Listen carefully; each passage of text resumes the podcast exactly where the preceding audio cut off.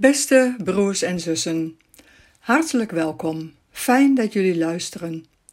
Gisteren hadden we het over ontdek je plekje, over hoe belangrijk het is dat je een plek hebt die speciaal voor God is.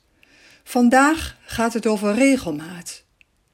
Daniel heeft een drukke baan in het bestuur van het land. Toch neemt hij drie keer per dag speciaal tijd voor God. De dagtekst komt uit Daniel 6, het laatste stukje van vers 11. Precies zoals driemaal per dag zijn gewoonte was. We lezen Daniel 6, vers 2 tot 11 uit de nieuwe Bijbelvertaling. Darius ging ertoe over 120 satrapen over het gehele koninkrijk aan te stellen. Boven hen stelde hij drie rijksbestuurders aan, van wie Daniel er één was. Aan hen moesten de satrapen rekenschap afleggen, opdat de koning geen schade zou lijden. Daniel nu onderscheidde zich van de rijksbestuurders en satrapen door zijn buitengewone begaafdheid. De koning overwoog zelfs hem over het hele koninkrijk aan te stellen. Daarom probeerden de rijksbestuurders en satrapen in Daniels bewind iets te vinden om hem voor aan te klagen, maar zij konden geen grond voor een aanklacht vinden of hem op een misstap bestrappen, want hij was betrouwbaar en hij had nooit zijn plicht verzuimd of een misstap begaan.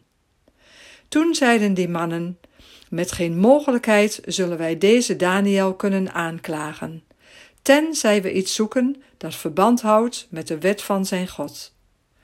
Daarop richten de rijksbestuurders en satrapen zich tot de koning met een dringend verzoek: Koning Darius, leef in eeuwigheid.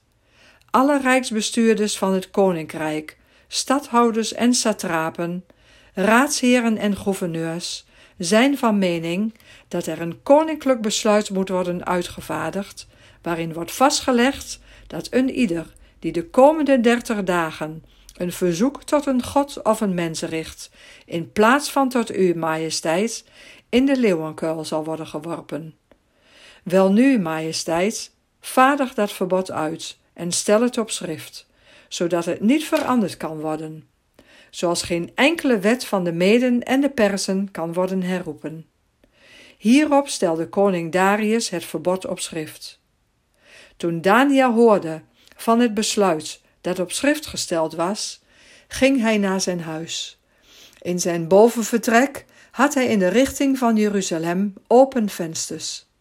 Daar knielde hij neer, bad tot zijn God en prees hem, precies zoals driemaal per dag zijn gewoonte was.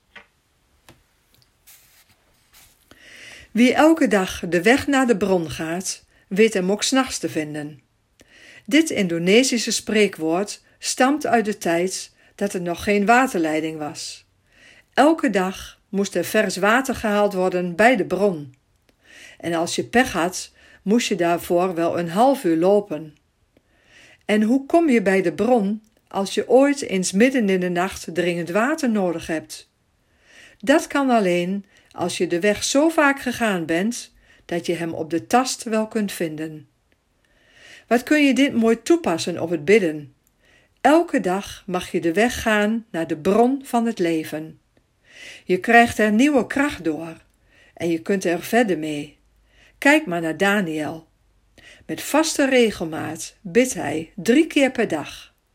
Die momenten met God zijn hem zoveel waard dat hij ermee doorgaat, zelfs als het hem zijn leven kan kosten. Voor dat laatste hoeven wij niet bang te zijn. Het kost ons alleen maar tijd. Maar is het mogelijk om geen tijd te hebben voor Hem, van wie je alle tijd van de wereld gekregen hebt? Maak er een gewoonte van en houd deze vast.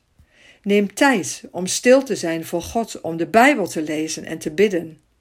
Als je dit volhoudt, wordt het een moment dat je straks niet meer kunt missen, net als Daniel. Het helpt je om te leven met God. En als het dan ooit nacht wordt in je leven, weet jij de weg. Zullen we samen danken, bidden en voorbeden doen.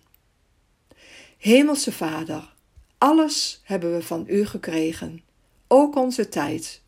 Help ons om momenten voor u apart te nemen, zodat alle tijd van ons leven aan u toegewijd mag zijn.